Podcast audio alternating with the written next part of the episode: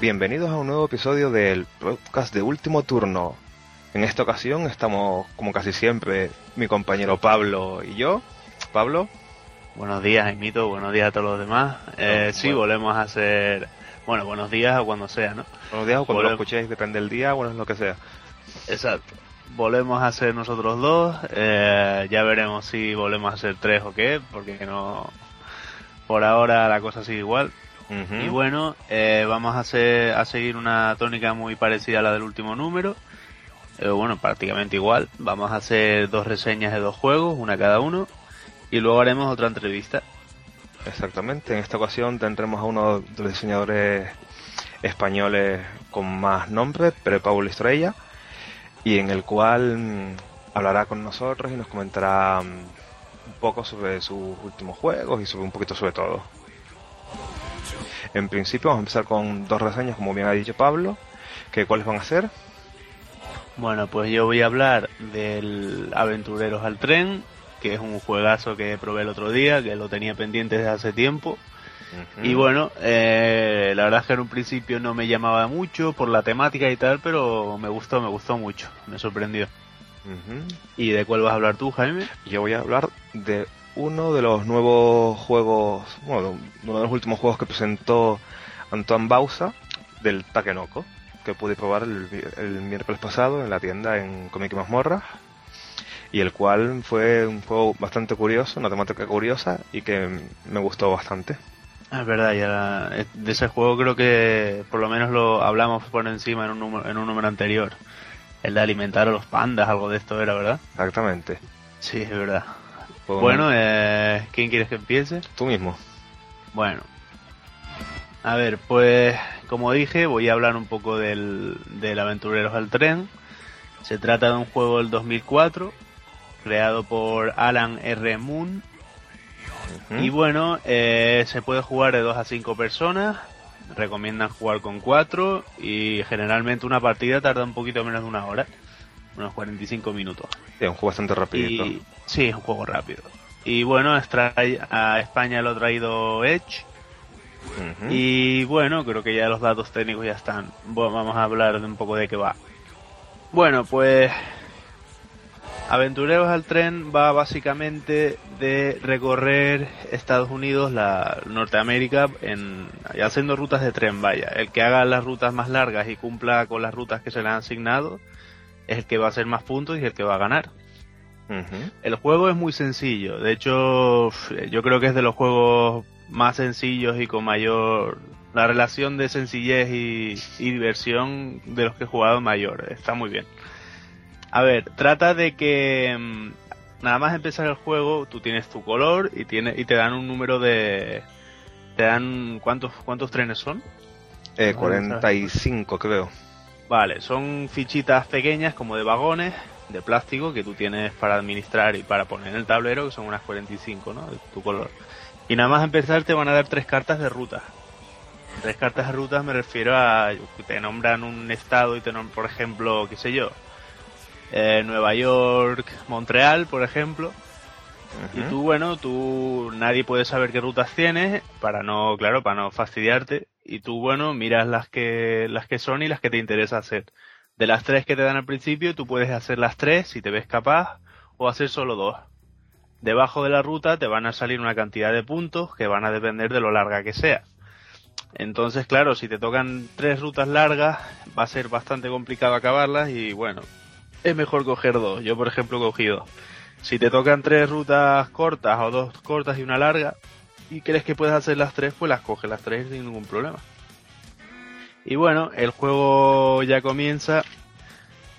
Y bueno, el, turno es muy fácil. Cada vez que te toca tienes dos opciones. Tres, tres. Tres opciones. Sí, recuerdo que eran tres. La, coméntalas. vale. Y te digo las dos que yo recuerdo. La primera es coger cartas. Eso las cartas sirven para, bueno, claro, no he comentado que el tablero está lleno de conexiones, digamos, entre un país y otro, entre un estado y otro. Conexiones de colores con un número de casillitas para llegar de un sitio a otro. Ese número de casillitas corresponde con los trencitos que tendrías que poner para llegar. Y los colores sirven para que, claro, eh, si por ejemplo de un estado a otro hay cinco casillitas rojas, tú tienes que conseguir cinco cartas rojas. Usas esas cinco cartas rojas en tu turno y pones cinco trenecitos. Es para hacer rutas simplemente y siempre tiene que ser del mismo color. Hay varios colores, está negro, está amarillo, azul, verde, rojo. y luego hay unas que son naranjas sí, y rosa. Y luego hay unas que son grises, que simplemente puedes poner cinco colores que tú quieras. No eh, tienen que ser cinco colores iguales, pero el que tú quieras, es un comodín, digamos. Y bueno, como comentaba en el turno, pues puedes hacer dos cosas que yo recuerdo, ahora Jaime verá la tercera. Puedes coger carta, que las cartas se hacen de esta manera. Eh, está el mazo de cartas boca abajo y luego a la vista, no sé si habían cinco cartas, ¿puede ser? Cinco, exactamente. Hay cinco cartas boca arriba. Serán de colores diferentes, se pueden repetir o no, y además hay una carta especial que es multicolor. La o sea, que te sirve para. Sí, que es, la, es una locomotora que te sirve para cualquier color. Entonces, en tu turno lo que harás será coger dos cartas a no ser que quieras coger directamente la locomotora multicolor, que solo podrás coger una. Entonces, tú puedes coger las cartas que están boca arriba que te interesen, o si no te interesa ninguna, te arriesgas y coges de las boca abajo. Puedes coger una boca abajo y otra boca arriba, eso da igual. Si coges una boca arriba, eh, antes de coger dos seguidas boca arriba, puedes coger la primera, miras cuál es, bueno, miras cuál es, no, ya la has visto porque está boca arriba, se repone del mazo y miras la nueva. Y si te gusta más la nueva que la que vas a coger, la coges, no hay ningún problema. Y bueno, con las boca abajo simplemente puedes coger dos boca abajo directamente, o una boca abajo y una boca arriba, eso da igual. La combinación que quieras, pero siempre respetando que, por ejemplo, si coges una boca arriba que sea la locomotora, ya no puedes coger más. Exacto, sin embargo, si la primera que coges boca abajo es una locomotora, pues se la quedas, no tienes, claro, no dices nada porque es boca abajo y puedes coger otra. Exactamente. Eso, eso es una buena, eso es que tener mucha suerte, a mí me pasó un par de veces. ¿Y qué era el, el otro paso que no me acuerdo? Ese era el primer movimiento, te falta el segundo, que nos comentaba. Ah, bueno, claro, sí, el segundo, sí, solo he explicado uno. El segundo es que, claro, cuando ya ves que tienes una buena cantidad de colores y tienes cuatro, cinco, tres, los que sean colores iguales. Las rutas que te dan falta. Para una ruta que, que, quieres coger, antes que te la coja otro, pones esas tres cartas sobre la mesa y bueno, te, lo aprueban, digamos, para que vean que son los colores, el color que sea y el número de tal, y el número necesario, y pones tus trenes en la ruta que sea. Exactamente. Eso solo lo puedes hacer una vez por turno, ¿o no? No, no, no, mentira. Yo, ¿O se podían poner más de una o no? no, más de una ruta. Tienes que poner, por ejemplo, solo puedes poner entre una ciudad y otra de una vez y solo una ruta por turno. Una ruta por turno, vale. no, Puedes, no puedes tener 20 cartas y poner esta ruta, esta ruta, esta ruta. Claro, claro, claro. O sea, que no es llenarse la, la, mano de rutas y tal, tampoco es muy buena idea, porque estás perdiendo mucho tiempo. La gente, claro, tú piensas que a lo mejor estás compartiendo una ruta muy parecida con otro y te empieza a coger el camino ya. Y como mucho recuerda que solo hay, a lo mejor hay trayectos donde los que solo puede ir un tren, un jugador. Exacto. Hay otros que ah, igual que, doble. Exacto, hay trayectos que son como de doble vía que puedes compartir con una persona, pero hay muchos que son de vía única. Y si te lo cogen vas a tener que dar un rodeo más grande y piensa que solo tienes un número limitado de, de vagones y si no lo y si no acabas la, la, ruta porque no te da o lo que sea son puntos que pierdes en vez de en vez de puntos que ganas. Exactamente. Y cuál era el tercer punto la tercera el tercer mm, acción que puedes hacer en tu turno es coger hasta tres cartas de ruta mirarlas y quedarte ah, como mínimo con uno. Cierto, vale. Que te pueden, eh, salirte tres rutas iguales que a lo mejor ya tengas hechas. Exacto. Cojonudo, pero no, en, principio puedes coger hasta tres cartas y solo quedar y deberías quedarte solo con, con bueno, bueno, solo no, puedes quedarte, bueno, debes quedarte solo con una como mínimo. Vale. el resto ya es a tu a tu interés o a tu riesgo, claro. Exacto, eso es para cuando ya, si más o menos el juego no va acabando y ya has acabado tus rutas, pues para no quedarte sin... Hombre, puedes puntuar sin que sean rutas, porque cada vez que pones un número de trenes en la mesa, subes unos cuantos puntos. Pero claro, siempre las rutas van a puntuar más. Y si ya has acabado las tuyas, está bien que mires y si, sigas por otra, para tener otro objetivo. Eh, y bueno, no mucho más. Cuando se acaban, cuando a una persona le queda uno, dos o ningún tren en la mesa, que significa que los acaba de, acaba de poner los últimos, se para el juego. Hay un turno más y se para el juego. Sí, hay un turno más hasta que vuelva a llegar a esa persona para que la gente haga su último movimiento. Y bueno, se, la gente revela sus rutas, se suma los puntos o resta de las rutas que no haya conseguido hacer y simplemente el que esté más avanzado en el tablero gana. El que esté más avanzado en puntos es el que gana. Recuerda que cada vez que pones una ruta, dependiendo del número de trenes que la formen, también vas ganando puntos. Por ejemplo, las rutas de 6 trenes, que eran las más largas, Exacto. puntos 18 puntos, y, las, y por ejemplo las más cortas de 1, puntos con un punto, las de 2 con 2, las de 3 con 4, y así. Y va sumando, va sumando, y al final sumas y restas. Y también hay que recordar que el jugador que tenga la ruta más larga, Ah, es verdad, lo de la gana, ruta gana el, el- como el trofeo de ruta más larga, que son 10 puntos extra. Exacto, al final eso se cuando ya estén todos los trenes sobre la mesa se cuenta, sí, lo que ha dicho él, se cuenta cuál es el recorrido más largo que ha hecho alguien que esté conectado siempre, claro. Y ya está, el que tenga el más largo se lleva la, el premio este, que son 10 puntos extra. Y bueno, mi impresión sobre el juego la dije ya, que, que al principio no me atraía tanto y por eso no lo había probado todavía. Y mira que había tenido oportunidad, pero no lo había probado. Y lo me puse el otro día para, bueno, para eso, para, para disipar las dudas y me gustó mucho, la verdad. Eh, si es de esos juegos que voy a repetir seguramente. Es una mecánica muy simple, y, y sí, eh, bastante estrategia, porque claro, aparte de hacer tu ruta, eh, te puedes ir fijando de las rutas que parece que están haciendo los demás. Porque claro, eso se, se ve enseguida, ¿no? Eh, como van más o menos, eh, no hace falta que hagas la ruta seguida, pero lo normal es que alguien lo haga, ¿no? Que vaya haciendo la ruta seguida y enseguida ves qué camino le toca coger luego. Y si se lo puedes quitar a tiempo, mejor, porque eso a lo mejor ya es una ruta que no hace el otro y son puntos que le restan, ¿no? También tiene Su parte de puteo. maravilloso punto de buteo, exacto. Y bueno, poco más. Si quieres darme tu opinión del juego. A mí la verdad que me gustó bastante, ya que para eso me lo pillé. sí. Y lo había probado mm, hace, hace tiempo en la tienda y también alguna que otra ocasión. Y la verdad que es un juego bastante simple y que me gustó bastante. Recordad que los que- jugadores de la editorial Days of Wonder que tengan algún juego de ellos pueden entrar en internet y jugar online al juego. E incluso también, eh, para los que tengan el iPhone o el iPad, pueden está disponible este juego para Sí, hay una, hay una ¿Qué aplicación. Exactamente. Y está genial la aplicación. Yo la he visto funcionando en vídeos que hemos puesto en el, en el blog y demás. Y la verdad que, que es una pasada. La verdad que es un juego muy sencillito, como bien has dicho, de fácil comprensión y de que prácticamente a los dos minutos de ya puedes empezar a jugar sin ningún problema porque las reglas no son nada complicadas. Sí. Y bueno, pasamos al, al juego de Anton Bausa, ¿te parece? Muy bien. Takenoko. Se supone que es un, el juego está basado en plan tienes un jardín y irás colocando losetas de terreno. Hay diferentes tipos de terreno donde podrán crecer las plantas. Bueno, el- ramas de bambú. Eh, el, juego, el objetivo como siempre es conseguir el mayor número de puntos. Eh, ¿Cómo consigues los puntos? Pues tienes cartas de objetivos. Objetivos del panda, objetivos del agricultor y objetivos del terreno.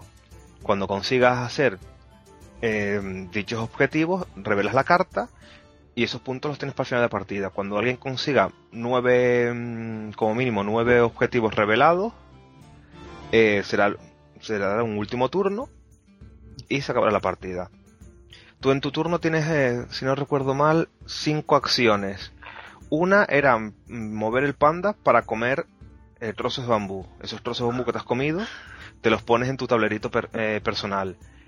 Otro era mover al agricultor para que mm, eh, para hacer que se la- donde caiga eh, puedas como regar las plantas. Vale. Bueno, regar el bambú y que ves un, un trozo más. Eh, hay los setas especiales que luego comentaré.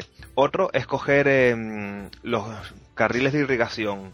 Esa, esa irrigación es lo que te servirá para llevar desde el tablero central, que es como el manantial, el agua hasta los distintos tipos de terreno para que puedan crecer el, el bambú, porque sin agua no crece.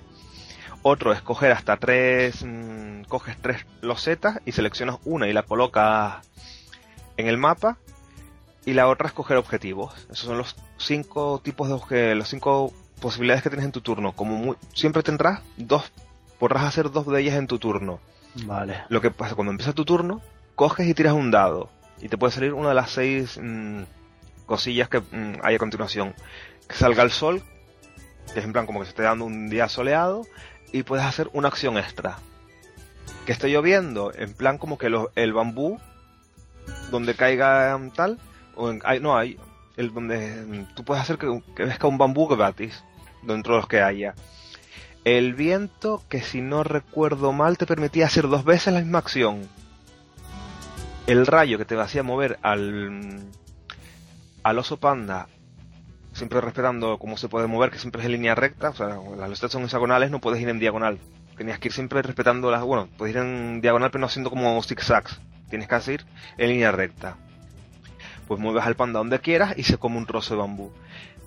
La tormenta era para coger una de las tres losetas eh, las losetas no como mini marcadores para ponerlas en las losetas que te hacen como habilidades especiales y luego la interrogación que es para que tú eliges el tiempo que quieras que se dé en tu turno. Las losetas especiales te permiten de que una hacer que haya agua en una loseta donde no tenga carril de irrigación. Otra que pues como el la extra de abono por así decirlo que es donde si cae el lavador ahí que serán dos de bambú en vez de uno, y otro es como poner un cercado para que el oso panda, que caiga ahí, no pueda comer el bambú. Esas losetas tendrás que co- colocarlas antes de que haya ningún trozo de bambú en ese terreno. Con lo cual es un poco fastidioso si ves que ya está bastante, bastante bambú por el tablero que puedas ponerlo en uno que te interese.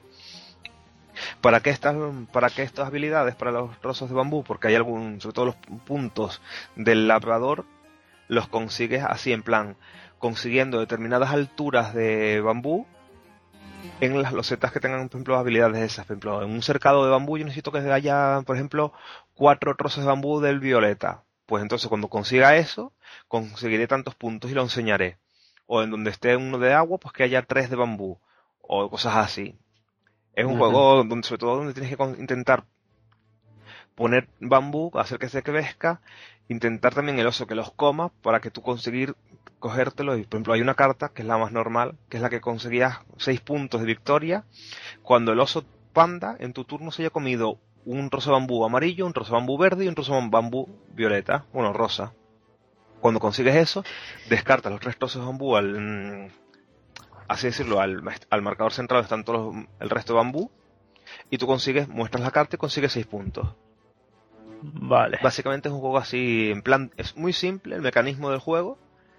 El, está muy, muy currado. La presentación, tanto de los tableros pequeños, de- como de los, mm, las losetas del tablero, las cartas, está todo muy, muy currado. Es más, tiene, mm, te viene el juego con un campesino pintado y un osito panda pintado para que los muevas.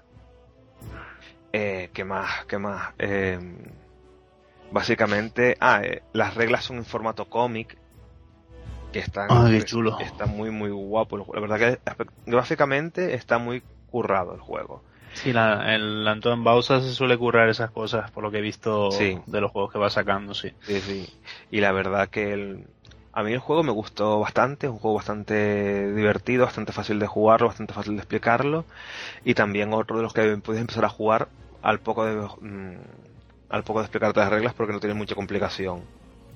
También tiene su parte de puteo, porque claro, a lo mejor tú coges así, tú ves que aquel está intentando conseguir un trozo de cada uno, pues coges y a lo mejor mueves el panda para otro lado para que luego en su movimiento recto no pueda hacer... mm, normalmente, a no ser que te salga la- el tiempo del viento, no puedes hacer dos veces la misma acción.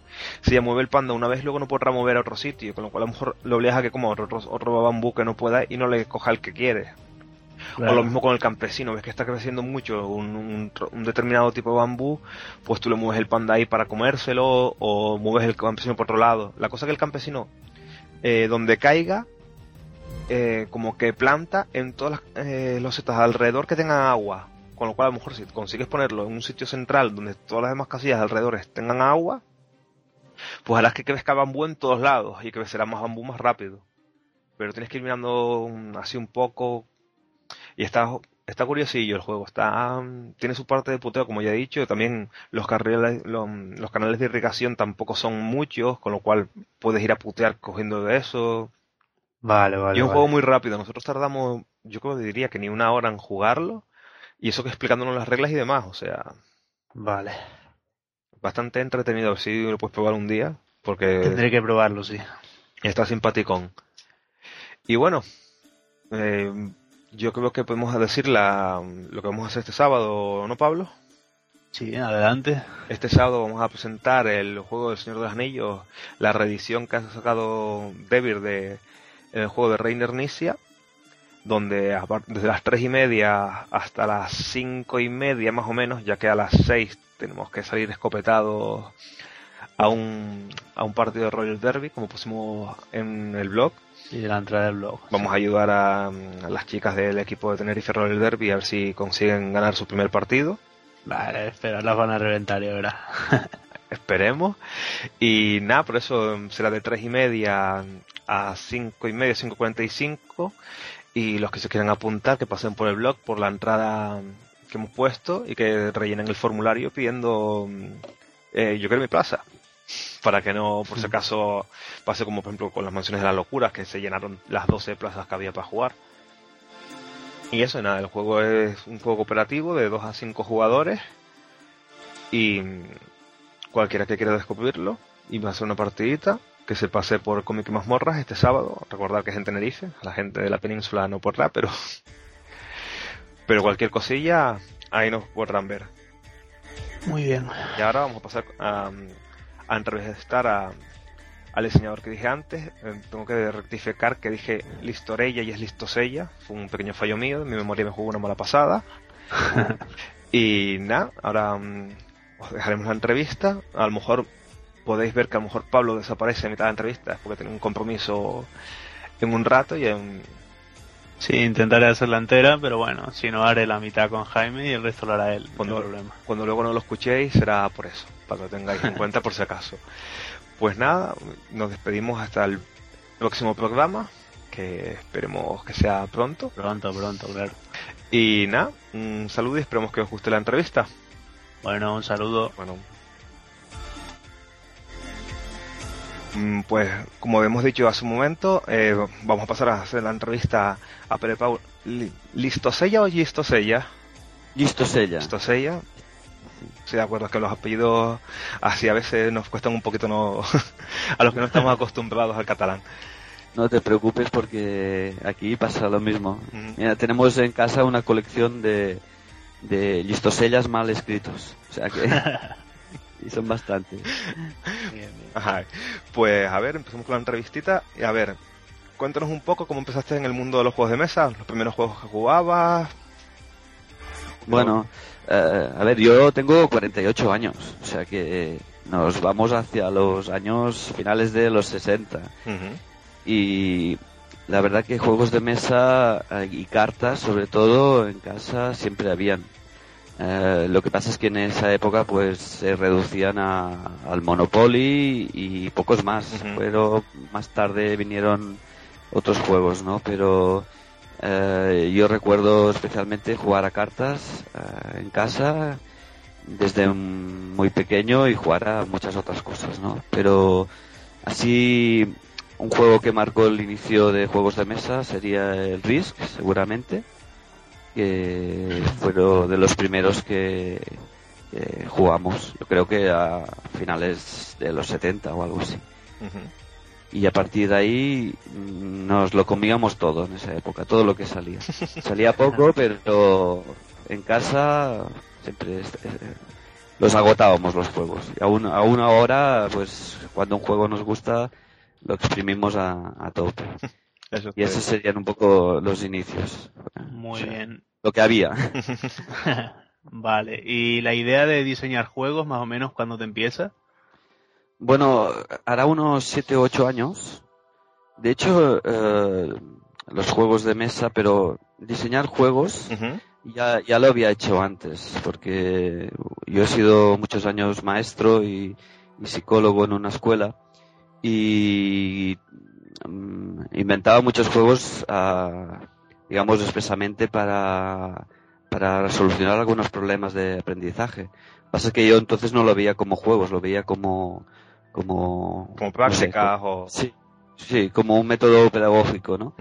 Ajá. y pero entendiendo los juegos de mesa como lo que entendemos pues hace unos 7 8 años yo dejé dejé el trabajo estuve un año eh, buscando otro tipo de trabajo diferente y, tenía mucho tiempo y bueno pues eh, como probé de escribir y no me salía con probé de juegos de mesa y empezó a, a ser un- una costumbre en casa y, y bueno, volvimos a jugar, la verdad es que jugamos, empezamos a jugar con mis juegos, con mis inventos. Y volvimos entonces, bueno, digo volvimos, digo mi familia, porque de pequeño jugaba con, con mis hermanos y volvimos a jugar a mesa y redescubrimos hace, pues esto, hace siete o ocho años eh, que los el mundo de, de los juegos de mesa era otra cosa, que, que había mucho y que Que había cambiado con respecto Sí. al Riff o el Monopoly. Sí, sí, sí. Porque, mm, bueno, eh, después jugábamos más cosas, Claro, ¿no? claro. Aparte. Pero llevábamos ya unos 15 años sin jugar y claro, los, mis primeros juegos eran mm, como de esa... De esa época. Sí, sí. Sí, como esa... que después ahora lo- los, los veo y digo, "Joder, qué antiguo era, ¿no? Pero bueno, y fue ponerse un poco al día y bueno, pues es tener tiempo sobre todo y tener mucha creatividad que, que no saber dónde ponerla. Mm, Ya, a mí me gusta mucho la fotografía, por ejemplo, y escribir. Y intenté varias de estas cosas, pero salió bien lo de los juegos, mira. Y hasta ahora. Pues mira, genial. Y una cosilla. Todos te Dime. conocen en la BSK como Cocorín. Sí. Para el que no lo sepa, ¿por qué Cocorín? ¿De dónde sale? ¿Cómo surgió? Pues mira, eh, Kokorín es un pequeño pueblo de, de la antigua Checoslovaquia, ahora Chequia, eh, a unos 50 kilómetros de, de Praga. En uno de los viajes mm, me perdí. Es, yo tengo muy buen sentido de la orientación hasta que me pierdo. y, y es un parque natural, hay un castillo y bueno, pasé la noche en medio de- del bosque con la camioneta que entonces teníamos con mi mujer y, y bueno, era un sitio, un remanso de paz, un bueno, me quedó una de aquellas fotografías que digo yo de fotografías de vida Sí. y, y, y me quedó es- ese sitio como muy grabado. Y a la hora de escoger un nick, pues bueno, eh, salió Cocorín. Y mira, de ahí a- hasta ahora. Mm, Muy bien. A ver, eh, bueno, sabemos que vas sacando juegos de Fórmula 1, has pasado por barcos piratas, has llegado al Sí. espacio y bueno, la próxima temática que se podrá ver. Bueno, es eh, son las el juego que estoy ahora testeando se llama Kanaki. Es son las islas de Nueva Caledonia. Y la temática es imaginarnos hace unas, unas 50 generaciones de, de los pueblos, de los clanes de, de esas islas, ¿no? Cómo van evolucionando, interaccionando entre sí. O sea, es un juego de, de- de islas, pero, bueno, ambientado en unas islas donde el mar eh, es un impedimento, y, pero hay que, hay que conquistarlo. Y es un juego de mayorías, de, de- de- de varias mayorías que van y digamos van indicando hacia dónde tienen que evolucionar lo- lo- cada uno de los clanes. Y es un, un juego bastante de, dar caña darse caña unos a otros porque el espacio es, es pequeño. Y para conseguir más espacio tienes que irte a una isla cercana y eso cuesta mucho. Mm, eso es la temática. Interesante. ¿Y ¿Cómo van los testeos por ahora? Muy bien, muy bien. Llevamos unas, ya debe ser unas 20 partidas. El juego está prácticamente acabado. Lo que pasa es que, bueno, la, una de las gracias que tiene es que eh, tiene mucha variabilidad. Es decir, desde el, mapa, que puede ser diferente, ya he probado tres, pero claro, cada mapa hay que probarlo, porque parece- es un poco tiras de tirarte a la piscina. Eh, después eh, las cartas tiene 60 cartas Y claro, testear 60 cartas, pues eh, siempre hay, hay que probarlas muchas veces hasta ver qué carta no se utiliza nunca, qué, qué, carta es demasiado. O, o sea que se va afinando, pero ya hay mucha mala leche, que es lo que yo quería entre los jugadores y, eso ya, ya empieza a gustarme. o sea que yo creo que yo lo puedo dar por listo en, en breve. Lo que más me va a costar es escribir las reglas. Mm. Porque he explicado un momento, pero escribirlo me cuesta. Mm. O sea que igual tarda un poquito más. Sí, es verdad que había leído, mm, creo que en tu blog o... No, eh, exactamente en el baronet de esta semana que tú eres muy que mm, escribe, bueno, más que escribir, cuando tú vas a hacer los juegos lo haces más en plan gráficamente y después escribirlo te cuesta bastante.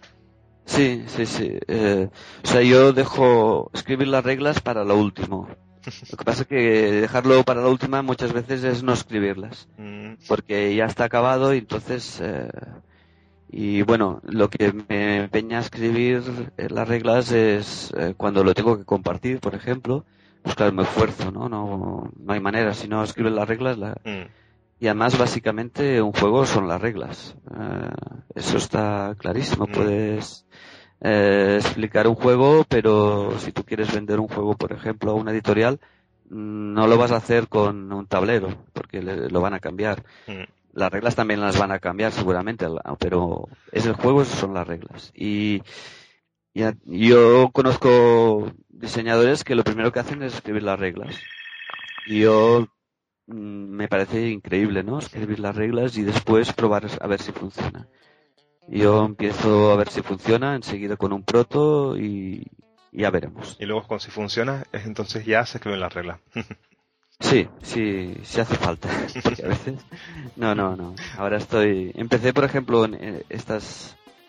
Eh, Kanaki empecé a escribirlas porque quería eh, bueno, quería jugar con, con la gente y enviarles antes las reglas para cuando yo llegara empezáramos a jugar sin yo explicar nada, ¿no?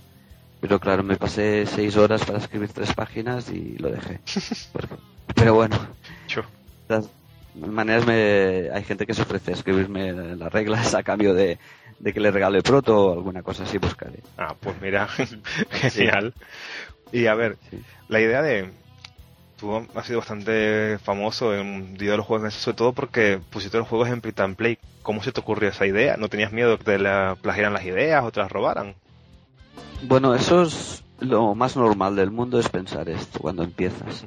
Es. Eh, mi juego es, es, maravilloso y tendría que estar publicado y, y, no lo enseño a nadie casi que no lo presento en concurso porque pero a mí se me pasó enseguida ese, esa idea eh, convencido en las, con la experiencia de otras personas ¿no? que me decían que, que bueno que entonces lo guardara en un cajón y que, hmm. bueno es como tener una novela escrita pero no enseñarla porque puede herir el sentimiento de no sé quién o, porque te la pueden plagiar hmm, hmm, y es, es un cambio de chip es, es decir, no, justamente ponerlo en una web, en un blog, eh, con tu firma, con un copyright, eh, demuestra que es tuyo, ¿no? Entonces, copiar es que la gente no se dedica a copiar, yo creo, y menos si eres un Mindundi y empiezas, ¿no?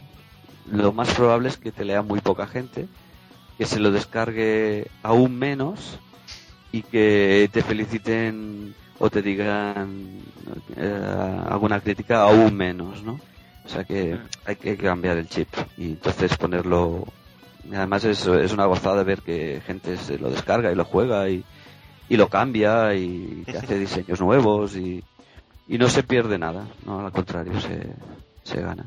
Lo que pasa es que bueno, yo he sacado muy muy buen provecho porque a base de esto, pues mira, alguien le le, gustó un juego y me llamó, cosas así van, igual pasan, no sé. Curioso, curioso, o sea, ¿para qué cambiar el chip? Porque lo típico, yo supongo que mucha gente tendrá, sobre todo muchos diseñadores, a lo mejor noveles que tendrán ese miedo de, uff, y si lo pongo tal. Pues mira, ah, desde aquí. Yo creo, yo creo que es normal eh, pensar eso, pero es normal en una primera etapa, pero cuando vas viendo de qué va el mundillo, pues eh, no Mm. sé, creo que no que no pasa nunca. Mm, de acuerdo. Y hablando, por ejemplo, de los juegos así, por ejemplo, Teseus, que fue uno de tus primeros prototipos, fue los que consiguió ver la luz publica- bueno, ver la luz, publicado por la por Hurricane este Sí. el año pasado.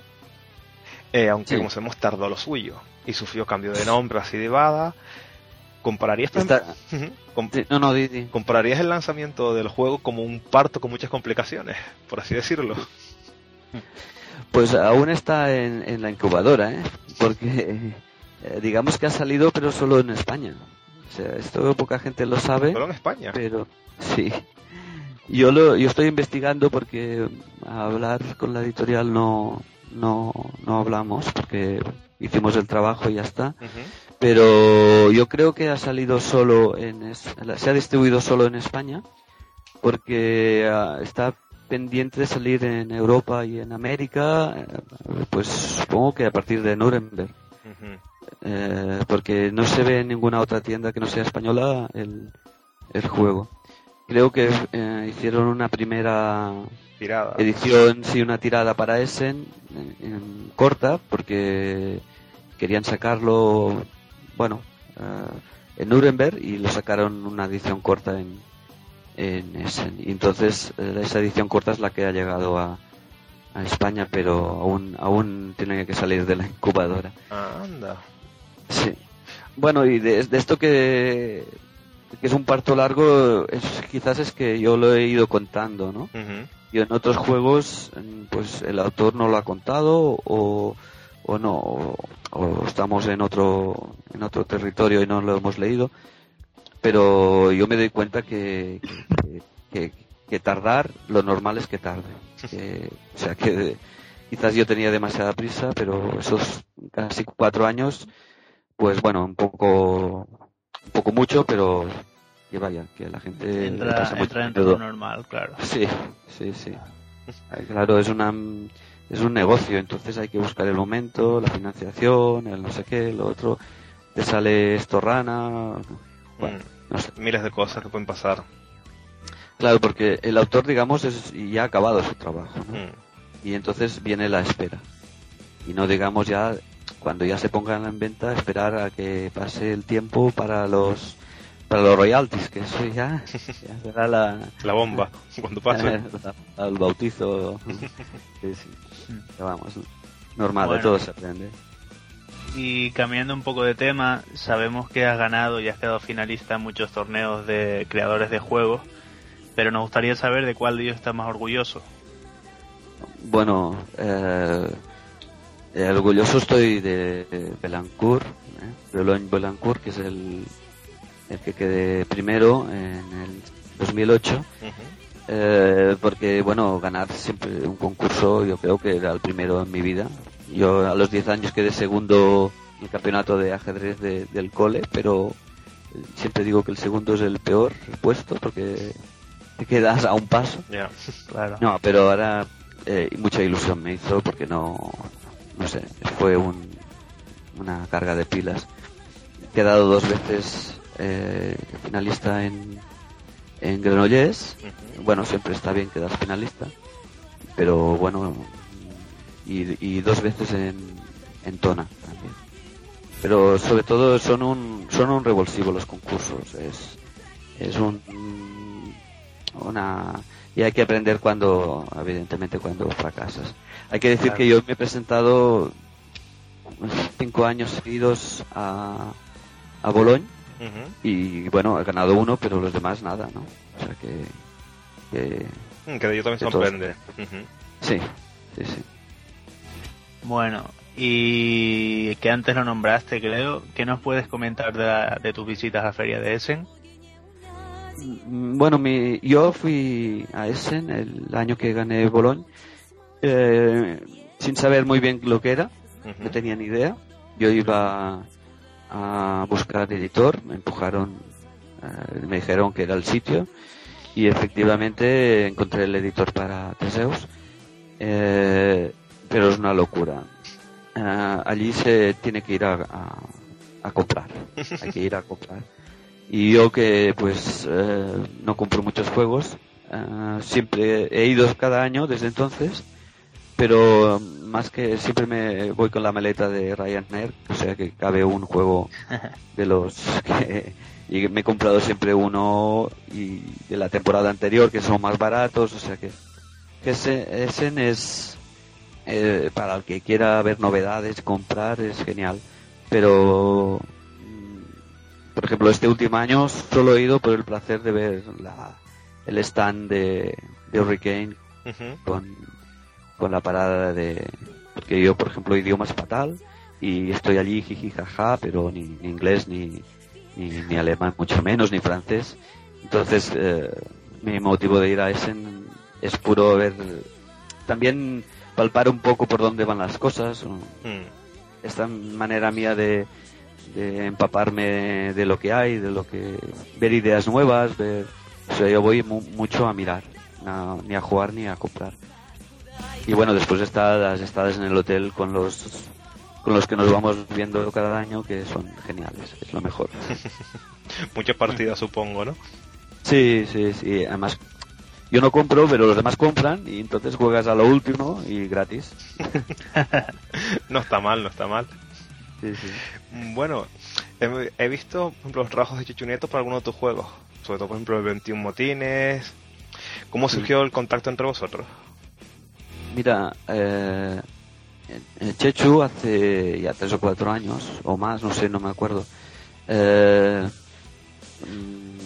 como aficionado, se bajó los print and plays que tenía, por ejemplo, el Castillo Cocorino, de Ganímedes, de alguno más, y me acuerdo del Seis Colinas, que es un, juego de, de tanques. Sí, es verdad también. Y hizo su, su rediseño y me lo envió. Yo quedé alucinado, ¿no? Con esas naves espaciales o esos, esos tanques. Y, y, bueno, me propuso también de, de, ir haciendo cosas. Pero claro, mi, yo como amateur, pues me parecía una maravilla, ¿no? Pero no, no podía ofrecerle nada, porque yo no, no, soy una editorial, ¿no? Y a raíz del 21 Motines eh, fue quien eh, la editorial, los editores, escogieron, escogieron a Checho por su, su, trabajo, ¿no? Es una maravilla lo que hace, y, pero vaya, yo no he tenido nada, no, no, que no he intervenido. La editorial me dijo si me parecía bien, yo, les dije que me parecía genial. O sea que al, al final lo que él quería eh, lo ha conseguido, lo conseguido. gracias a su trabajo sí la verdad que ha hecho muchas cosas muy buenas. He visto también por ejemplo las ilustraciones que le ha hecho del Dominant Species para la editorial GMT y demás y la verdad es un trabajo alucinante. sí sí sí sin duda yo yo te digo yo lo que tengo que me envió es eh, una maravilla de de algunos de mis print and play pero lo que está haciendo ahora bueno claro Hmm. Eh, se supera cada día. Pero a ver que con 21 millones le va, le va a ir de, de fábula que sea él el diseñador. a ver si lo podemos ver dentro de poco en las tiendas y así Lung lo saca. A ver, a ver. que si no, tanto hype eh, después es malo. Exactamente. el hype es horrible, sí. sí, sí, sí. Bueno, eh, a ver, como es posible que haya gente que no conozca demasiado tu juego, si quieres nos puedes contar un poquito algo sobre, por ejemplo, el Kenta, el Isla Vulcan, Rapanui, Viruses, el que tú quieras. Hablar un poquito de, vale. pues mira, en general. Vale. Mira, te, explico, por ejemplo, el Kenta. Kenta es, eh, fue mi primera autoedición. Hice, mi, mi, intención era hacer 150 ejemplares, la, como una carta de presentación, y es un juego que nació eh, de una idea en el blog que yo quería y hubo bastante discusión. Mm, quería hacer un juego sin reglas. Eh, y, no sé, claro, al final acabo de investigar mucho, me di cuenta que era imposible. O sea, que no puedes hacer un juego sin reglas. Pero bueno, la, de la experiencia salió Kenta y bueno, es un juego muy raro que o lo odias o lo, o lo quieres, y, pero para mí fue la experiencia de la autoedición, ver la cantidad de dinero que puedes perder con una tontería de estas. y que lo vendí por debajo de- del precio, pero que me hizo también un poco eh, estar, o sea, no estar quieto, ¿no? Claro. Y, y, bueno, tuvo la suerte de que, y después la mala suerte, de que lo presenté a Cosmos Mm. en, una, en un viaje de estos de Essen y al año siguiente me vinieron a buscar corriendo que, que, lo, que lo querían para el Señor de los Anillos y estuvieron un año sin decirme nada y el otro año me dijeron que no, que abandonaban el, el tema.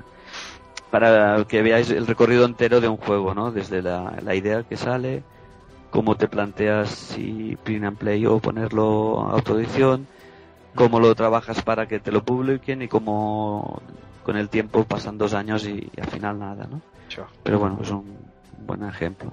El Isla Volcán este que dices es un juego que es, es, mm, está por terminar porque le falta testeo, pero como a mí ya me gusta cómo está, pues bueno, no lo he puesto en print and play porque me faltan las reglas. Ya. y bueno, si hay, yo siempre procuro que, que los juegos, no sé, partan de algo que para mí sea original. Y entonces, por ejemplo, el Kenta ya os he explicado cómo salió, Isla Volcán, pues es un juego aventura, es decir, es, es un juego que te pretende ser vivir una aventura, eh, huyendo de- del colapso de una isla o otros como el Castillo Cocorín, ¿no? que se juega con los ojos vendados, que es la, la, la idea que por la que empecé el juego. O ahora, por ejemplo, estoy haciendo el Kanaki, parte de, de una idea que es que un jugador elige una acción que implica que los demás tengan que hacer otra y que seguramente la otra es mejor que la que, que haces tú, ¿no? Y en esta idea, es decir, que cuando te toca tu turno estás puteado, ¿no? Porque tienes que hacer una acción siempre peor que la de las eh, de los demás. Esto al principio, pues, a los jugadores les cuesta, porque hombre, pues es que todas las cartas son malas, pero después, bueno, ven jugar y que cuando ya te ha pasado tu turno, pues le toca al otro que te dé algo bueno. O sea, la, un poco las, la, donde parto, ¿no? De, de ideas que siempre sean, y cada vez me cuesta más, eso sí. Mm. Mm. Está curioso, curioso.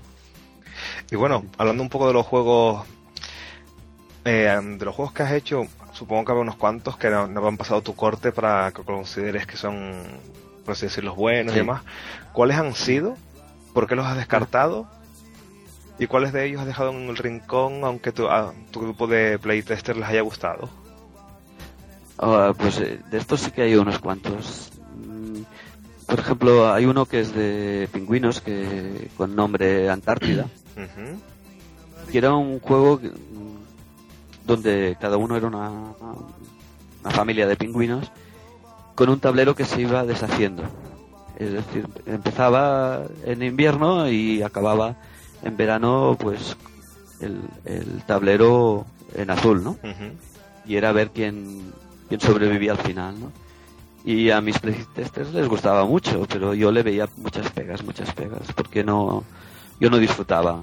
Este está, lo dejé, ya, mm, porque el sistema del tablero está muy bien. Imaginaros, pues un tablero de hexágonos con icebergs. Sí, con varios niveles de altura, sí. Yo vi, yo Sí. vi las fotos en el blog Sí. tuyo. Sí, pues funcionaba, pero no, no, no. Y otro, por ejemplo, de, de, de, de indios, que se llamaba Humo Humo, que pretendía ser un, un juego de tablero por parejas, donde era secreto quién era tu pareja. Y con cartas dabas dando señales de, con cartas de humo, señales de humo a tu compañero para que jugara, pero tenía que jugar un poco disimulando para que, porque el juego consistía en, en adivinar eh, pareja, por así las- decirlo. sí y ese funcionaba pero era demasiado caótico y no no pero Me, re- bueno, me recuerda un poco a la temática un poco del incógnito de Leo Colovini. Puede ser sí parecido sí sí, sí. Que también es verdad, todos eran así como mm, agentes, por así decirlo, secretos y tienes que encontrar tu pareja y conseguir en el tablero reunirte con él. Sí, Mm. algo eh, venía a ser un poco así ahora que lo dices pero no me interesó más la mecánica de, de cómo hacer que la, tú subieras cuál era tu pareja, qué código utilizar para comunicarte. Me interesó más que la realidad que el juego era un poco, no sé, un poco patético, ¿no? Y además, ah, al tenerse que jugar por parejas, como mínimo tenían que ser seis jugadores, Mm, o ocho, porque con cuatro... Sí, Y había el problema de los impares, sí. que cogí, cogí una el último mohicano era en caso de ser impares las tribus indias llevan dos dos dos y uno era el último mohicano que iba solo. Pero ya o sea eso ya Bueno, no no bueno. Bueno, pues... Ah, pues perdona, sigue, sigue. no no no que nunca se sabe Se lo si lo retoma. recogeré ¿no? Pero no, no Bueno. Vale, pues a ver lo que iba a preguntar. Nos gustaría un poco saber cómo te, digamos, cuando, cómo te sentiste cuando por primera vez ya viste acabado el Sibibaba y si cumplió un poco tus expectativas la, la forma final. Pues bueno, ha sido en este último Essen. Fui el, entra- al entrar a Essen está enseguida el, el ¿cómo se dice? Bueno, eh, el sitio de Hurricane, eh, el stand de. Hurricane. Y claro, es impresionante. Me, me emocioné. Coge uno, le dije a la chica que estaba allí, eh, porque me miró con mala cara cuando coge uno así, y lo abracé al juego y le dije, no, es que soy el autor, ¿no? Y mucha, mucha, mucha ilusión. Eh, pero la verdad es que una, eh, una vez pasado esa ilusión, es como, bueno, ya está, ¿no?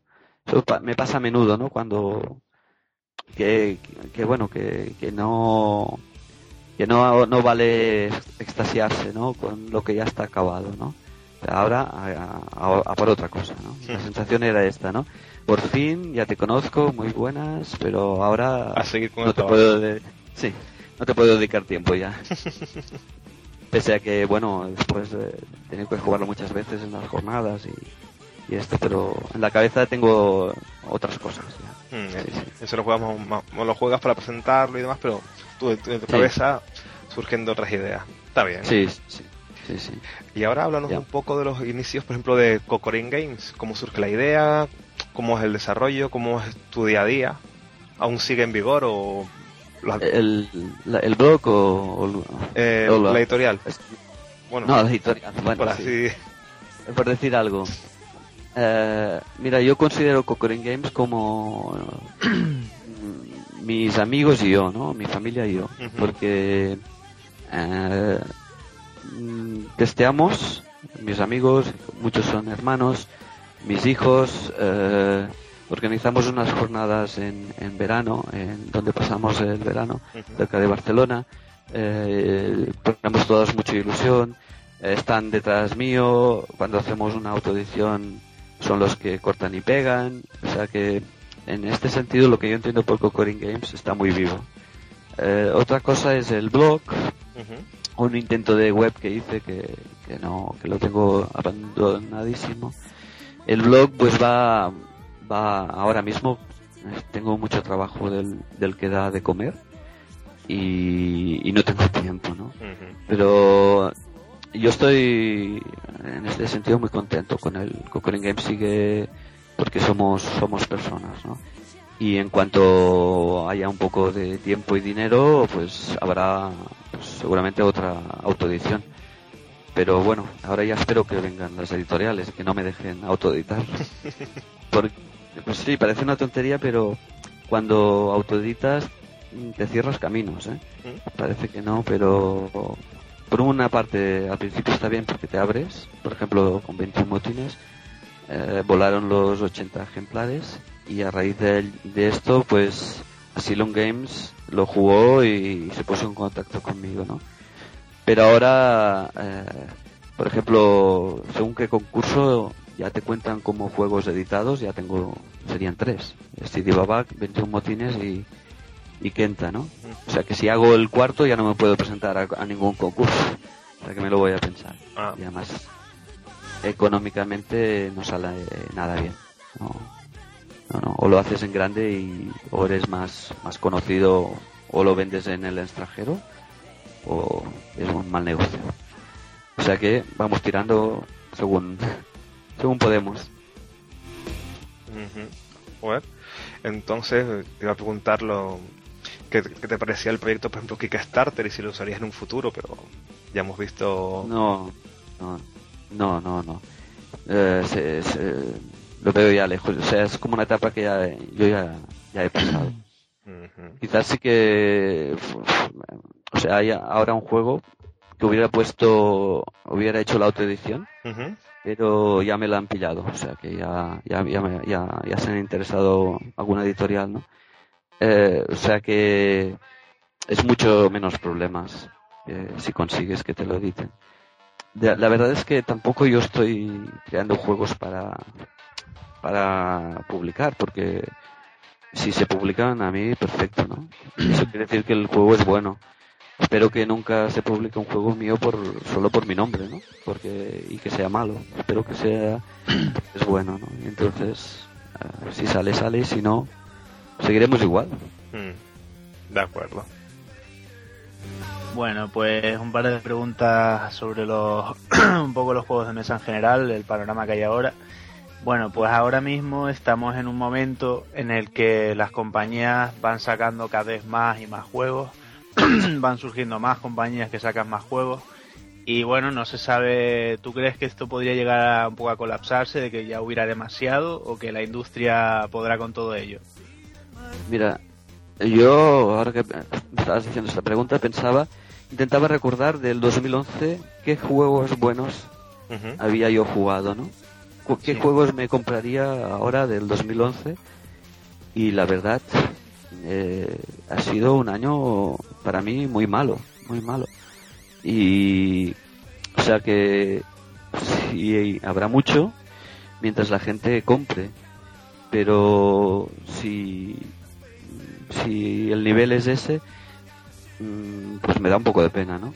Es decir, que con tanto movimiento tenía que haber muchos más juegos buenos y yo los veo que encontrar a cualquier nivel, ¿eh? familiar o jugón o, o, filler, o, hay muy pocos de buenos. Y entonces, mm, cuantos más haya, quizás habrá algunos más de buenos. ¿no? O sea que yo, como comprador, me da igual que hayan tantísimos juegos, me conformo igual con jugar uno de hace 15 años, ¿no? Como jugar a, no sé, a, al grande, ¿no? Es un juegazo y, lo venden, lo saldan por 10 euros, ¿no? O sea que el mercado pues va como va y si sacan tantos algunos se mueran por el camino o es que la gente pues compra y, le gusta lo que el nivel este pero yo no no o sea no soy en este sentido no lo veo con buenos ojos que haya tanto si no hay una calidad detrás. Mm. Y hablando de los juegos del año pasado, ¿alguno que te... Mm, ¿Cuál sería el mejor juego del año pasado y cuál el peor juego del año pasado? bueno, a mí el único que salvo, y es un... Bueno, porque igual no he jugado más que a los que... Tampoco lo puedes decir, ¿no? Pero el que salvo es el Hanabi de mm. Bauza.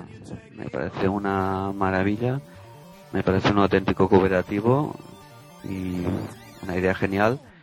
Y ya no sé es un juego lo encuentro muy muy muy bueno. Y cuál descartaría bueno no sé muchísimos. Es que ya te digo no no me he comprado este año pasado creo que ninguno. De aparte del Genavi algunos que me he comprado me han no sé no el que ganó el año pasado el juego del año mm, la, isla? prohibida pues lo jugué y me pareció me pareció normal.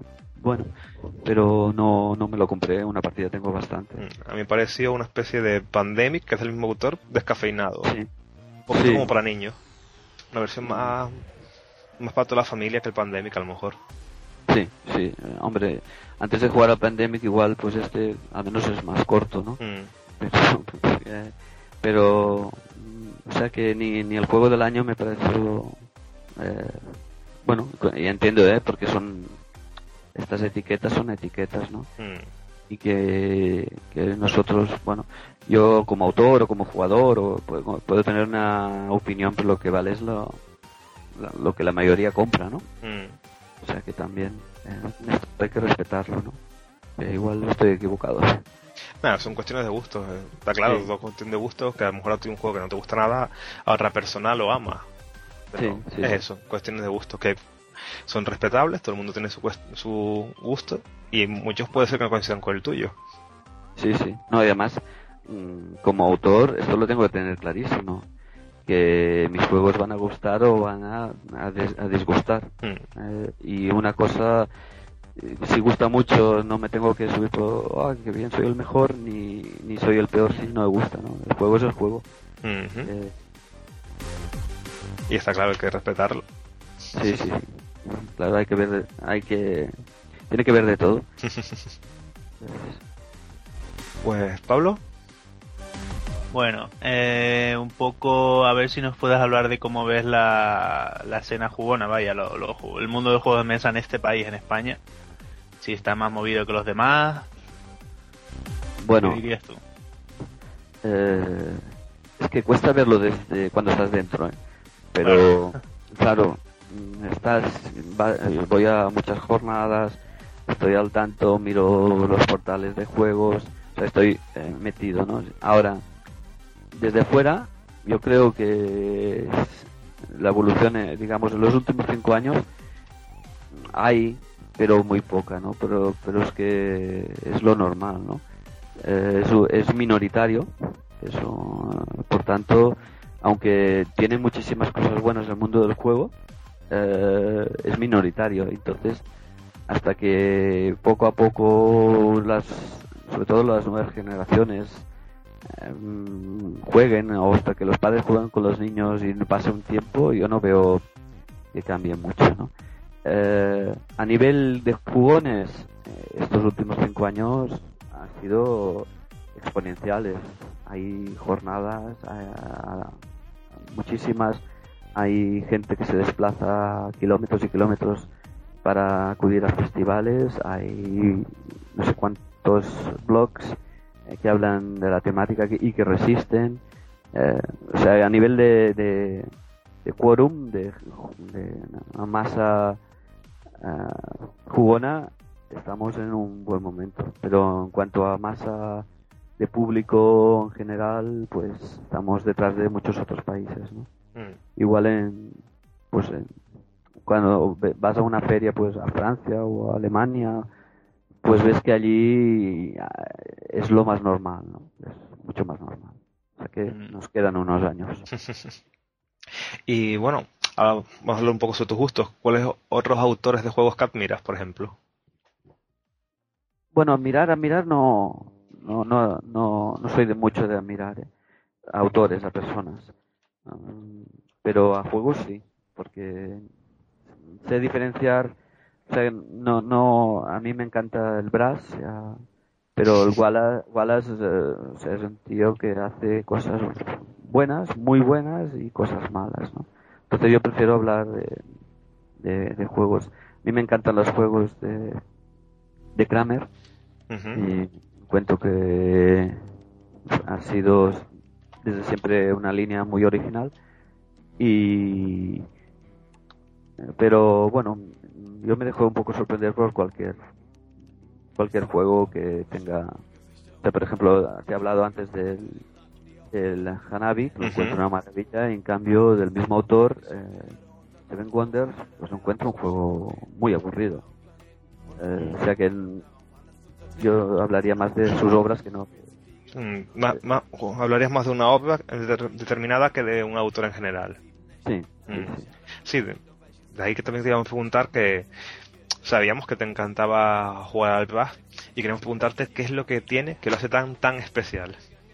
Pues mira, ahora tengo dos pantallas, una estáis vosotros y en la otra está mi partida que, que- que le hemos puesto nombre Maricón el Último, Mm. la partida de Brass eh, online. Pues no sé, es- es- no paramos de jugar, o sea, lleva cuatro años ya, pues siempre hay una partida o dos en online y siempre cada fin de semana una o dos partidas. En verano hacemos como tres al día. Caray. No sé, es un poco enfermizo, no lo reconozco, porque... Pero ahora hay un... Estamos jugando tres o cuatro de, de nuestro grupo y hay un nivel que ganamos del primero al último por cuatro puntos y está el puteo y o sea, es un juego que tiene un largo recorrido porque aunque son solo 56 cartas no sé un tablero y y, y- y a ver cómo las barajas Ujú. eh, como te salen las cartas tiene infinidad de posibilidades ¿no? y no sé nos tiene es un juego que, que cada vez después de 200 300 partidas aún puedes hacer algo diferente o pensar algo diferente o ah, es- Madre mía. Mm. Sí, la verdad que Wallace se lució con ese juego bastante. sí pero creo que fue sin querer ¿eh? que si no no sé eh, mm, es que no puede ser tan perfecto bueno ahora me estoy pasando no pero y es él él no lo considera un juego de los mejores suyos ¿no?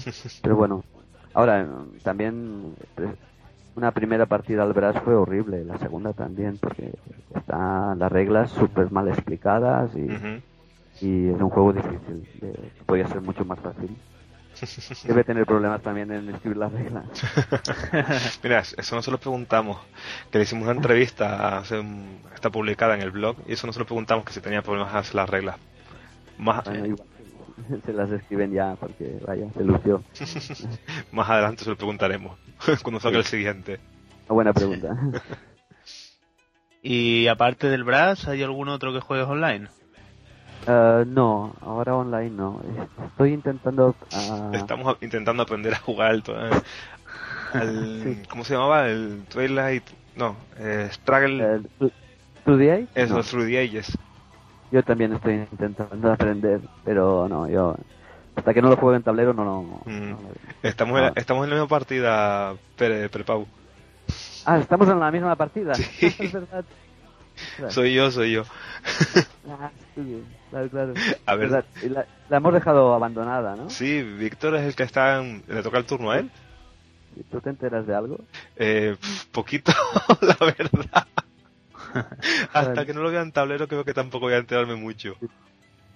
Pero bueno. Pero bueno, No, no, tam- tampoco tengo mucho tiempo, digo, tengo el Brass porque ahora trabajo en casa y la verdad es que cuando ves la pantalla ya que se pone azul y te toca jugar, bueno, desconectas un poco. Bueno. habrá que probarlo online entonces. Sí, sí, sí, si sabéis jugar al Brass, Habrá que jugarlo. una. Ok, ya lo, ya lo vamos hablando. Sí, a mí desde luego me ha, me ha- me ha entrado mucha curiosidad con eso que llevas no sé cuántos años jugando y no te cansas. Yo quiero probarlo el Brass. Hombre, ya te digo, las tres primeras partidas vas un poco perdido. Pero ya Sí. después...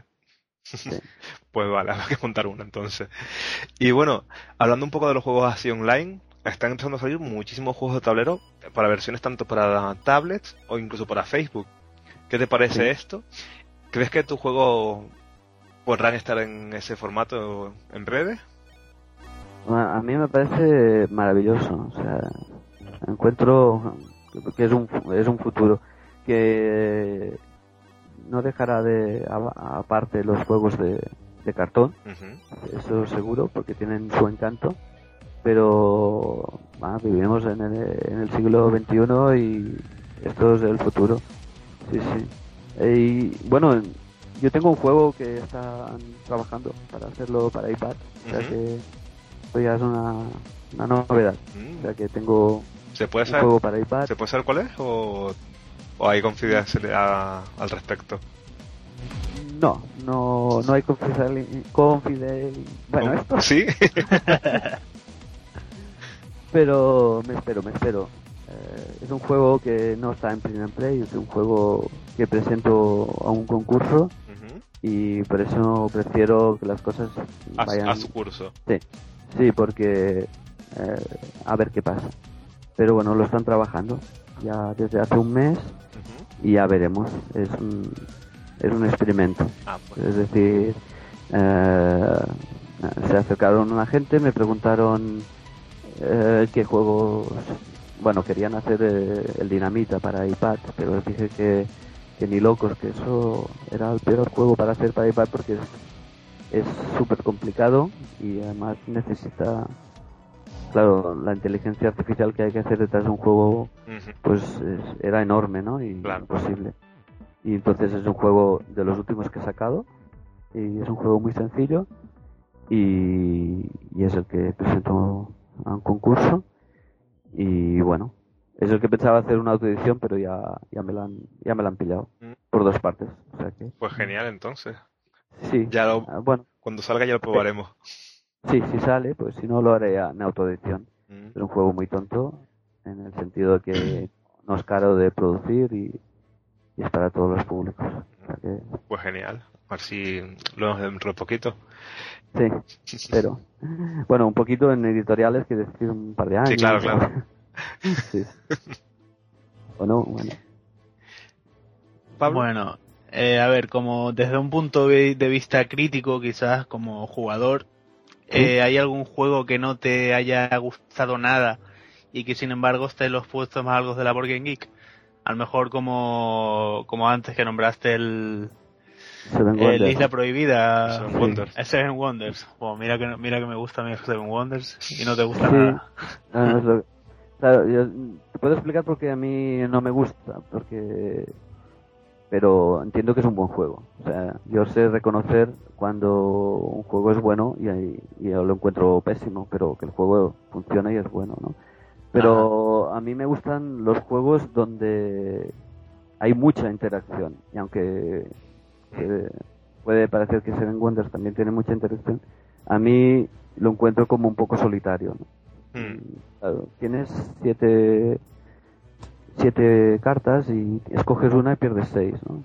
Mm, Bueno, ese es mi, mi, mi... Pero entiendo que el juego funciona y que, y que si igual lo jugara más, pues no, no, no lo encontraría tan malo. No, no, no me, no me sabe mal jugarlo, ¿eh? Si hay una... se saca la mesa y hoy lo jugamos, yo lo juego. Incluso gano, y, pero no me lo paso. Sí, Sí. han habido un debate muy grande con respecto a ese juego, por ejemplo, de que en sí dicen que la mecánica no es una mecánica en sí, sino que simplemente es un draft y, y cosillas así, pero Bueno, pero está bien que, mira, no sé, si, si- si también se le dan tantos premios, está tan arriba, eh, pues será que lo más seguro es que esté yo equivocado, en el sentido de que es mucho más bueno de lo que yo pienso.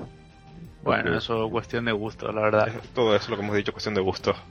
Sí. Sí, pero eh, los gustos, sí, pero hay tanta gente opinando que, eh, a ver, si la agrícola está al número 2 ahora, creo, Sí, eh, que es un juego que yo no- he jugado dos veces y no me apetece nada jugarlo. Eh, y hay tanta gente que lo pone tan bien, pues oye, eh, y el juego funciona y es bueno, y a mí no me gusta nada, el juego es bueno, tiene que ser muy bueno. Eh, o sea que tampoco, o sea, un poco hay que saber ver la realidad, ¿no? Si, si un día un juego mío que no me gusta está al número 100, pues me dará un poco a mí de pena. Y sabiendo que uno que a mí me gusta está el 500, ¿no? Mm, Pero bueno, es un ejemplo, ¿no? A mí, ya te digo, el, el Agrícola es el que encuentro que es un muy buen juego, pero está el número 2 y, y no, no lo jugaría. Y en cambio el Puerto Rico que está... el un 5 poco me parece. Sí, El 5 o 4. pues sí, me parece, bueno, de lo mejor. Y el Brass no entiendo por qué está el 7, pero bueno, pero... sí, pero- es lo típico. También la verdad es que es muy manipulable. O sea, es- Sí, es, una, es un indicador más. Sí. O sea que. Pero bueno, eh, todo sirve. O sea que Ah, para, sí, para dar opinión todo sirve. Genial. Y bueno, ¿eres más de Eurogame o Ameritrash? Y por otro lado, ¿algún juego que recomendarías algún no jugón para iniciarse? No, no, yo soy de Eu- Eurogame. Sí, sí, sí. Clarísimamente. Mm, Y lo que pasa es que cada vez, ya digo, me cuesta más encontrar uno que, eh, que le encuentre algo diferente, ¿no? mm, Y, hombre, para empezar, ah, yo recomiendo el Stone Age. El Stone Age es un juego que puedes jugar enseguida. Lo pueden enseñar en 10 minutos. Que si el que te lo ha enseñado te va a ganar de paliza. y, vas a ver cómo lo ha hecho. Y tú a la segunda partida ya puedes ganarle o empatar o, bueno, a subir de nivel. Y es un juego, yo lo encuentro buenísimo en este sentido.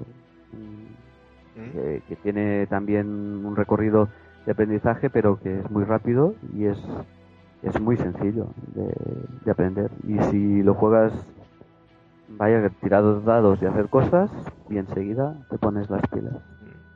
Ah, pues habrá que probarlo, eso sí que no hemos podido probar. ¿No has probado? No. Pues, ya, ya os enseño así ganó la primera partida al menos. Está bien saberlo. Bueno, y bueno, una pregunta típica, si ya que falta poco. Eh, ¿Tu top 5 de juegos, los, más o menos los 5 que más te gustan? Ah, bueno, ya he visto que preguntáis esto y me lo he pensado, ¿eh? Porque eh, no soy muy... Bueno, me cuesta, ¿eh? Hacer listas, porque en cada momento bueno, no, no hace falta que esté en orden si quieres, sino 5 cinco pues que te gusten mucho. El Brass, que ya lo he comentado, sin duda. El Mus.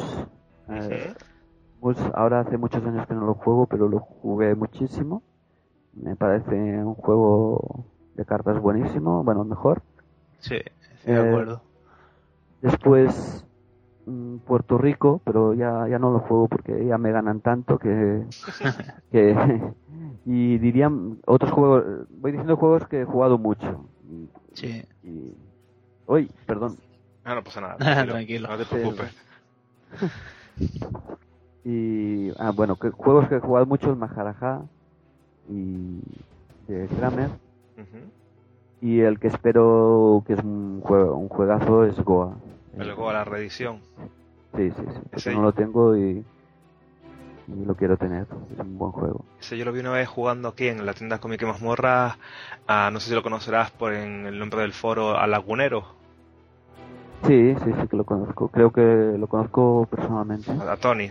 Pues lo vi jugando una vez a Tony con los chicos de la tienda y la verdad que lo vi un poco así rápido por encima, pero no me enteré mucho. Pero no pues sé. Es un, es un juego de esos de interacción entre jugadores que son los que a mí a mí me gustan.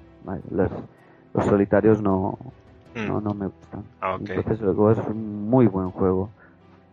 Digamos que hacen bien en reeditarlo porque con el nivelazo que de juegos que os he comentado antes que considero que, no hay, pues este va a subir el nivel. Genial, pues a ver si algún día lo puedo probar. Y bueno, te recomiendo si tienes un iPad, el Puerto Rico para el iPad. Yo como lo he jugado está bastante interesante. Sí, no, no tengo iPad, mm. pero bueno, espero tenerlo para cuando salga mi juego. Hace tiempo que no juego al Puerto Rico porque es que mi grupo de juegos somos muy bestias, entonces, o sea que te machacan, si no eres el mejor, pues te machacan. Mm. Y en Puerto Rico era, era, era, era, un tostón porque siempre quedaba el último. no, el Puerto Rico es un juego, yo lo he probado y uff, tela. Sí, sí. Yo lo tengo pendiente, sí. Es muy bueno, muy bueno. Y bueno, vamos casi acabando. ¿Qué pregunta nunca te han hecho y te gustaría que te hicieran? Ostras, qué buena esta. Eh, pues es... has pillado aquí en... Eh, bueno, hay muchas preguntas que quisiera que no me hicieran y que está bien que no me hagan. o sea, que preferiría que... O sea, no, una, una, una pregunta atrevida. No sé decirte cuál porque se me escaparía. alguna pregunta atrevida, pero no sé, también... No, no, no se me ocurre. De acuerdo, ¿no? Ya si la pienso os mando mensaje. Perfecto, no te preocupes. Y bueno, déjanos una pregunta para nuestro próximo entrevistado. No sabemos quién es, pero la pregunta que tú quieras hacerle, cuando hagamos, la diremos, cuando hagamos una se la haremos de tu parte. Se la haremos de tu parte. Es en plan como lo que hacían hace tiempo en, no me acuerdo qué programa de la tele, que el entrevistado, que gran caiga quien caiga, deja una, entrevista, una pregunta para el siguiente entrevista. Pues algo así. Vamos a empezar a iniciar. Ah, vale, o sea, la que me me habéis dicho antes era de otro... No, no, no, esa, esa, es- Ah, esa- No, esa- es- esa es mía. el primero. Es- esa es mía. Pues es que es buena, ¿eh? Ahora, a ver, eh, mm, jope, ya así improvisar, a ver. Eh, eh, oh, mm, ah, un juego que jugarías ah, con tu abuelo. Meh. Vale, De bien. acuerdo, perfecto. Lo ponemos aquí en el. en Ya te el- avisaremos el de la respuesta. Vale, vale. y lo dejamos ahí pendiente. Y bueno, Bueno, para acabar, eh, si quieres dar algún consejo para nuevos diseñadores, gente que esté empezando ahora a lo mejor. Bueno, mm, es difícil, ¿eh? Dar consejos, pero bueno, que más que nada que cada uno es diferente, ¿no? Pero yo diría que, que es cuestión de trabajo, trabajo, trabajo, trabajo, trabajo. Eh, o sea que no es fácil hacer un buen juego que intente siempre superarse. Em, sería la idea es que si no dedicas muchísimo tiempo a, jugar juegos editados, a, a probar los tuyos. O sea que mm, si quieres hacer mm, de tu hobby o de tu profesión eh, crear juegos, que sepas que hay que, que- que ser muy tozudo, muchas horas. Mm. de acuerdo. Pues, Prevau, muchísimas gracias por mm, de- dejarnos un poco de tu tiempo para hacer esta entrevista. Esperamos que te haya gustado. Em, Sí, de- gracias a vosotros, que, que bueno, es un placer haberos conocido también. Y esperamos que en breve esté colgada para que toda la gente pueda disfrutarla y a ver si coincidimos en alguna jornada que tire para la península. Mi, mi inten- Vale. mi intención es Vale. estar en Homínidos este año. Muy bien, Sí, bueno, muy bien. Sí. Lagunero ha ido, ¿no? ¿Alguna vez? creo que no, Creo. Lagunero creo que no ha ido, Ah, no. creo que no, no, no ha podido. Vale. Yo la verdad que este año me enteré tarde de, la, de las Homínidos, si no sé que hubiese ido. Porque yo veraneo cerca de, de por allí, yo veraneo en un pueblo de Castellón, en Vinaroz, Ajá, sí, y muy bien. Y la verdad que me, que me fui de Vinaroz este verano antes de haberlo sabido, hubiese esperado un poco más y podía haber ido, pero Pues. Bueno, espero conocerte. Conocí a unos canarios, igual no era lagunero, pero sí, sí, he Hmm. ido un par de años canarios y mm, sí, sí. sí, aquí hay una afición bastante buena. Muy bien, me alegro. Y bastante gente jugona que devora juegos, por ejemplo el Lagunero que también otro que le encanta, por ejemplo el creo que el Rust también, el Afiba que Sí. nos está, estaba jugando el otro día y está enganchado. Yo que sé, le encantan un montón de juegos y aquí hay una muy muy buena afición. Es más, todos los miércoles nos solemos reunir en una de las tiendas de aquí con Mickey Mazmorra Sí, y nos quedamos hasta las tantas de la mañana jugando y Bueno. jugando, o sea, muy bien, muy bien. Eso es bueno. qué, mejor, qué mejor hobby que este. Que no, bueno, exactamente. hacer un poco de ejercicio de vez en cuando, pero bueno. Ah, eso, no está- eso no es tan bueno, te lo puedo asegurar. que tiene unas cuantas lesiones para lo tonto. Bueno, Pero bueno, pues muchísimas gracias. a vosotros, Y nada, ya, ya te avisaremos cuando esté la entrevista colgada. muchas gracias a vosotros. Y- ¿vale? Y nada, esperemos que la gente que, lo, que la escuche le guste. Venga, Y cualquier cosa, sabes que aquí tienes el blog para cualquier noticia Sí. que quieras publicar. Aquí estaremos. vale, os tendré en cuenta. De acuerdo. Bueno, Gracias. encantado y hasta pronto entonces. Adiós, Pablo. Bueno, Adiós, Jaime. hasta luego.